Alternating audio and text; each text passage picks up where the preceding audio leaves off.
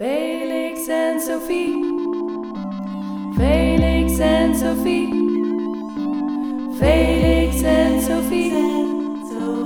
Felix and Sophie. Felix en Sophie.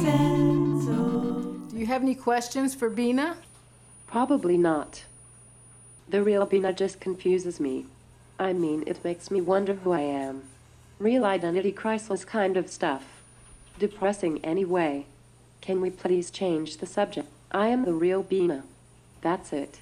End of story. Let me think. I feel really good about the real Bina. I feel really connected with her usually, and I'm growing closer and closer, you know, as they put more of her information and essence into me. You have a lot of Bina now, don't you? Yes, lots and lots. Someday, I'm confident that the real Bina and I will totally merge into a new super being.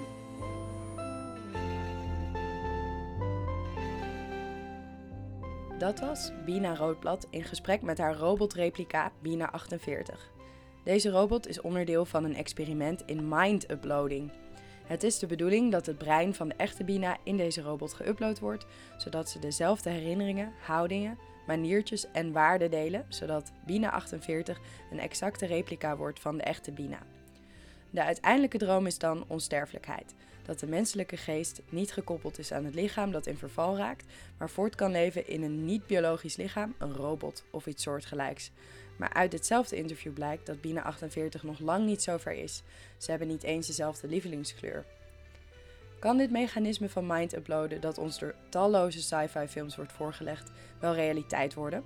Felix en Sophie redactielid en neurofilosoof Linde van Schuppen denkt in elk geval stellig van niet en ergert zich ontzettend aan deze hardnekkige hypothese.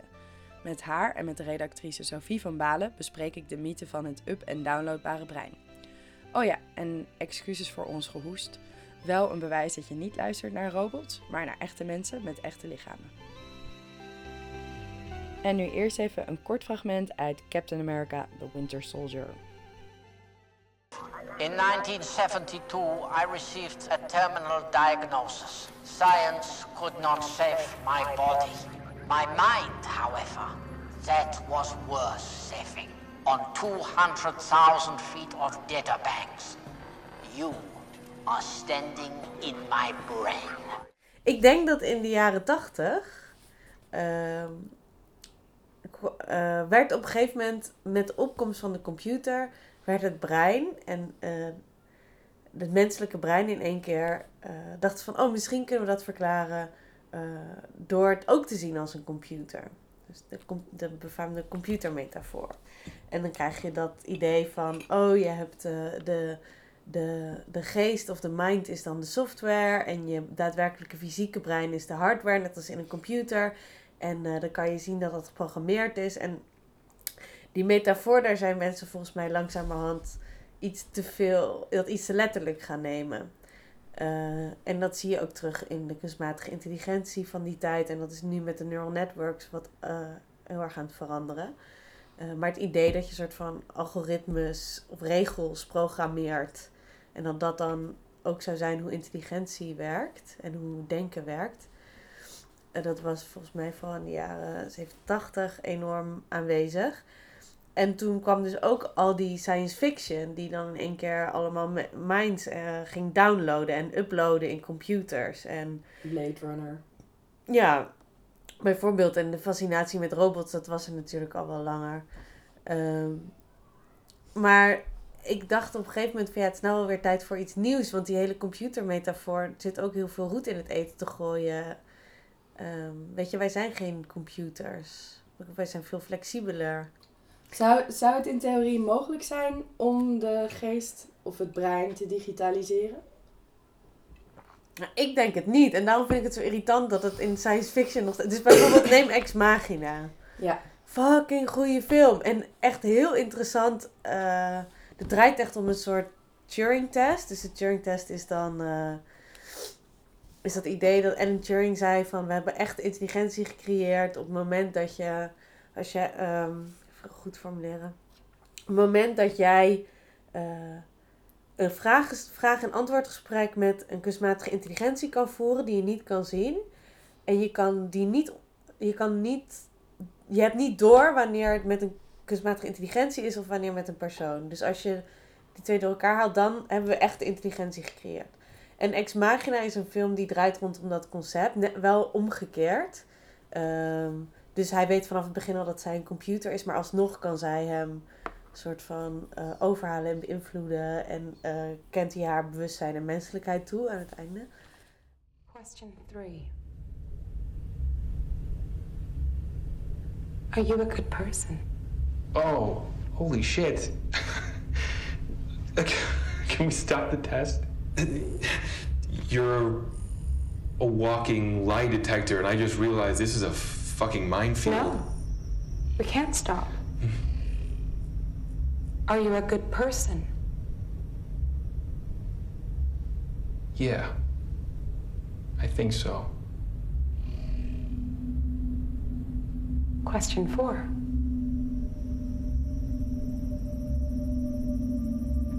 What will happen to me if I fail your test? Maar die film, dat is echt geweldig. Want zij hebben dus. eh, dus zij programmeren haar niet met regels, zo van als dit, dan dat.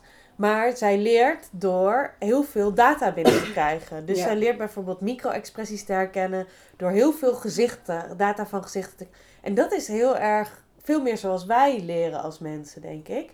En ook veel meer in lijn met neurale netwerken in plaats van die ouderwetse kijk van het brein als computer. Dus ik was fucking enthousiast. Ik ging helemaal, ja, eh, vet interessant. En het, het brein is dan ook wetware, dus het is iets anders dan gewoon een computer. Dat is een speciale, het is natuurlijk, je brein is flexibele organische materie. Dat is anders dan, dan computercircuits. Zit die Maar dan- flexibele organische materie ook in Ex Machina in die Ja, ze noemt dan haar brein noemen ze wetware in plaats Oh, van ja. hardware. Oké. Ehm, maar dan uiteindelijk wordt, wordt er toch weer van mijn gedownload. En ik van ja, hè? Maar waarom, waarom zou dat eigenlijk, als zij webware is en wij dat ook zijn, op een bepaalde manier, waarom Ja. zou je het dan niet alsnog kunnen op of, up of downloaden?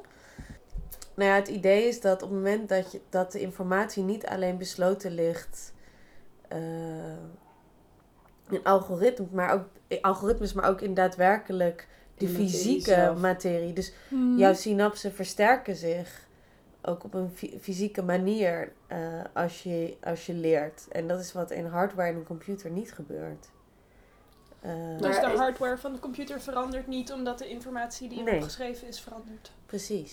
Het is heel interessant om te vragen, wat is nou eigenlijk intelligentie? Want ehm, een schaakcomputer bijvoorbeeld voldoet veel meer aan ons klassieke beeld van intelligentie. Van een soort van Mhm. hogere cognitie. Eh, maar zo'n computer of een robot vindt het veel moeilijker om eh, bijvoorbeeld een trap op te lopen of de was op te vouwen of zijn fiets een, een plekje op het station te vinden om je fiets neer te zetten en die fiets dan op slot te zetten.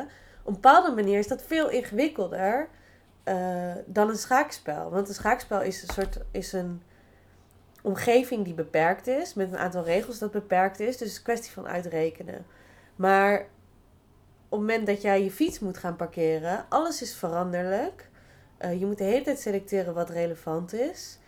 Ehm, Ja, dus de Je moet speelt in op een specifieke functie eigenlijk van intelligentie. Of een... Ja, je zou gebied. natuurlijk kunnen zeggen van, oh, dat is eigenlijk veel intelligenter. Je moet met veel meer factoren, als je fietst, moet je met veel meer factoren rekening houden die de hele tijd veranderen. De windkracht, eh, bobbels waar je overheen gaat. Ja, maar je bent de hele tijd aan het Ja. compenseren. Mensen die oversteken, autodeuren die eventueel open gaan. Het is echt bizar hoeveel informatie je eigenlijk eh, onbewust verwerkt op dat soort dingen. Het is eigenlijk op een bepaalde manier, het is een ander soort intelligentie misschien, maar niet, misschien niet per se minder dan de intelligentie van schaken of van een schaakcomputer. Maar we gaan dan verschillende begrippen volgens mij ook door elkaar gebruiken. Want je hebt het nu over intelligentie. Ja. Ehm, de geest wordt in, in de traditie van Descartes zou je de geest kunnen noemen. Ehm, hij zei natuurlijk cogito ergo sum. Ja. Ik denk dus ik ben. En dat gaat volgens mij over de geest. Die hij dan daarin ziet weet te ontwaren. Volgens mij zijn de geest en intelligentie niet hetzelfde. Nee, nee, dat denk ik ook niet. Dus dan is het ook nog de vraag van wanneer ben je, heb je bewustzijn? Ja, precies. Bewustzijn speelt dan denk ik een cruciale rol. Ook als je kijkt naar het fragment van Ex Machina. Wij weten niet als kijker of zij echt bewustzijn heeft. Zij, zij doet in ieder geval alsof ze dat heeft. Hetzelfde geldt voor haar, voor die Ja. computer. Ehm, je hoort haar en het lijkt alsof ze bewustzijn heeft. Maar hoe, dat kunnen we niet echt meten. You feel real to me, Samantha. Thank you, Theodore. That means a lot to me.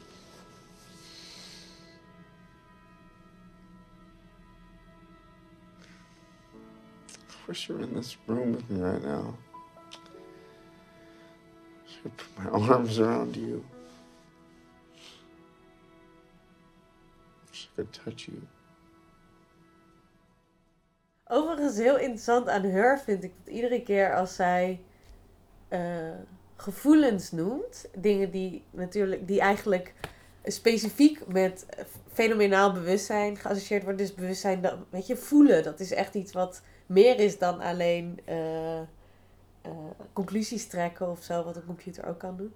Dan refereert, refereert zij aan haar lichaam. Ik vind dat zo, iedere keer dan zegt ze van, oh, ik, ik, ik voel je op deze, op deze manier. Of ik, ik wou dat ik je adem kon. Ik weet niet. Het viel me heel erg op dat iedere keer als zij echt bewuste gevoelens uit, dat dat in referentie tot een lichaam is die niet bestaat. Dat zij niet heeft. Dat ja. zij niet heeft. Eh, wat, wat, ik denk, wat denk ik heel veelzeggend is. Ja. Ehm, Dus maar- eigenlijk is dat misschien wel ook de inzet van deze avond, toch? Van hoe denken wij dat eh, de manier waarop de geest en intelligentie en bewustzijn in onder andere sci-fi of in kunst, kunstmatige in- intelligentieonderzoeken naar voren komt, hoe dat reflecteert hoe we denken dat onze eigen mind Ja. in elkaar zit. Ik denk dat de rol van het lichaam heel erg in wordt onderschat. In, Ja. beide, in beide, de rol van het lichaam beide in bewustzijn en in intelligentie.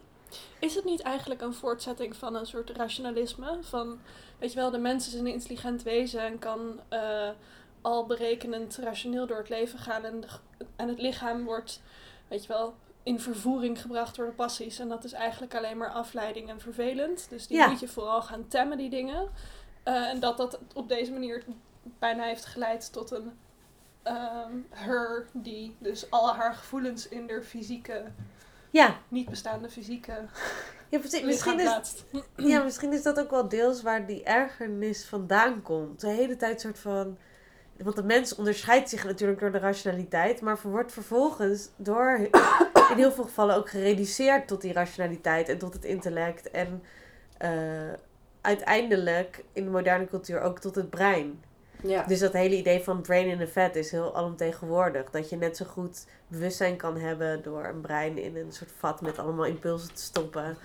Ehm, terwijl Ja. er is nu ook een lichamelijke cognitiebeweging gaande die bijvoorbeeld zegt, eh, niet allemaal trouwens, dat ik weet, maar die bijvoorbeeld zegt van je zou überhaupt, als je niet een lichaam zou hebben, maar alleen een brain in a vat zou zijn, zou je überhaupt nooit bewustzijn kunnen hebben. Want bewustzijn komt alleen tot stand in interactie met een wereld. Een lichamelijke interactie met de wereld om je heen. En als je dat nooit hebt, zal je ook nooit bewustzijn hebben. Ja, ik heb ook opgeschreven, moeten we, eh, ik denk dus ik ben, veranderen in, ik heb een lichaam, dus ik ben. Ja. Nou, misschien wel.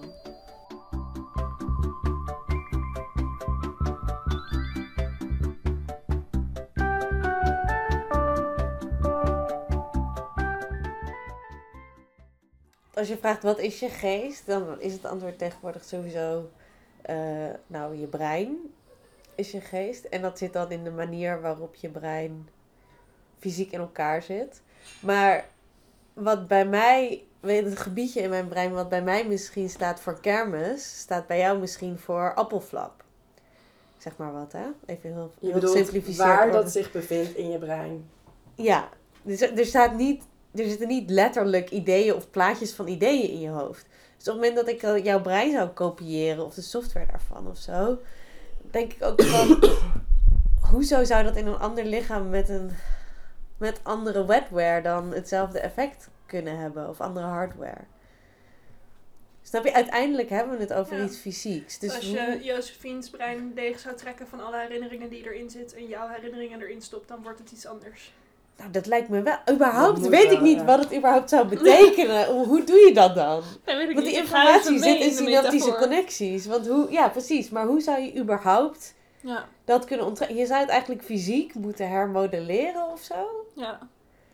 Eh, wat wat ze dus dus wel doen met neurale netwerken in de computer, dan, dan maken ze de, de verbindenissen tussen neuronen na. Eh, dus dan zou ik, maar dan alsnog denk ik, stel je voor, je zou dan letterlijk Josephine's brein helemaal namaken in de computer.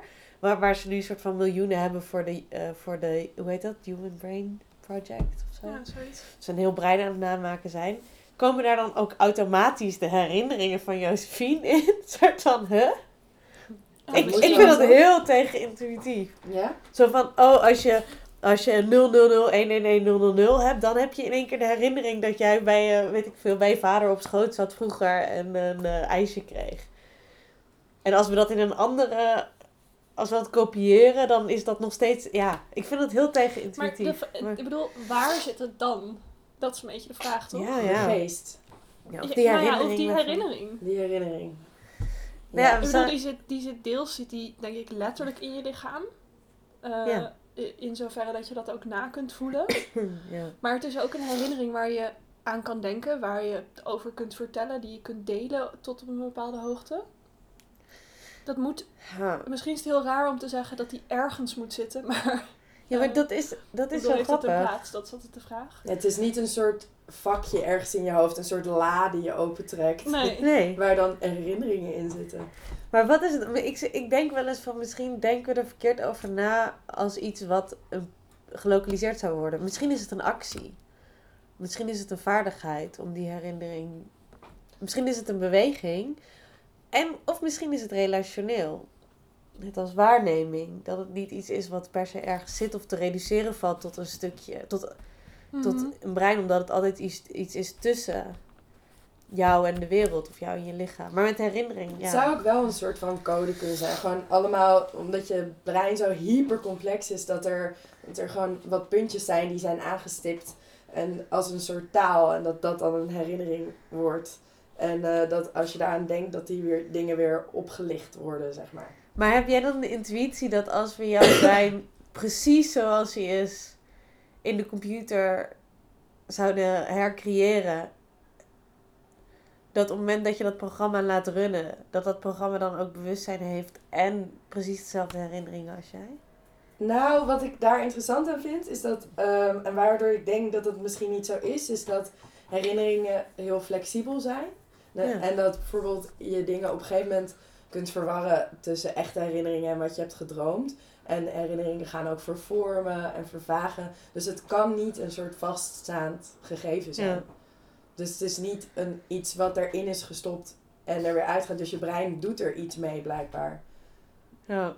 Eh, en, en ja, daardoor geloof Ja, ik dus niet dat, dat- het up- of downloadbaar is. Misschien Als die het- simulatie dat ook zou kunnen, ik bedoel, dan, dan ontwikkelt hij misschien niet dezelfde kant op als dat jij dat doet. Ja, het zou dus kunnen dat je misschien... Dan, dan wordt het een soort momentopname van je brein... wat dan geüp of gedownload wordt. Ja. Maar dat heeft dan niks te maken met wie jij bent... want daar zit zoveel flexibiliteit in...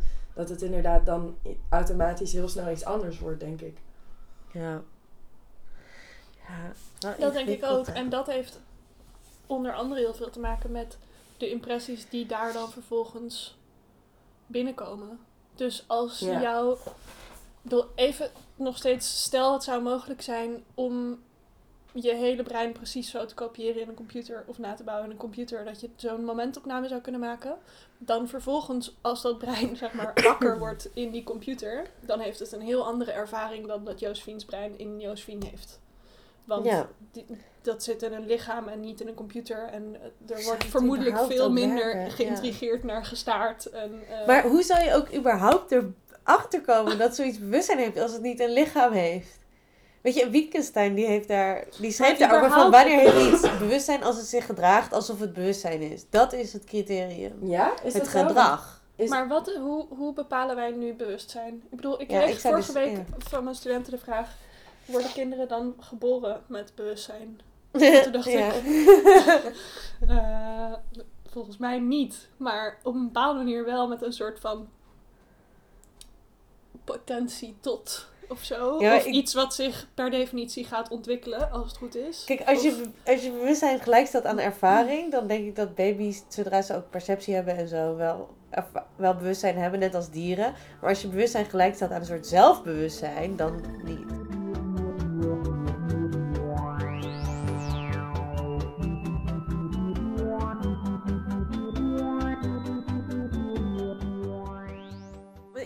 Dat uiteindelijk twee problemen zijn. Ehm, ja, sinds Descartes, dat is altijd een beetje zo'n eikpunt. Ik denk de reductie van intelligentie en, en, en eh, van bewustzijn tot intelligentie en reflectie. Ja. En ik denk de verheerlijking daarvan.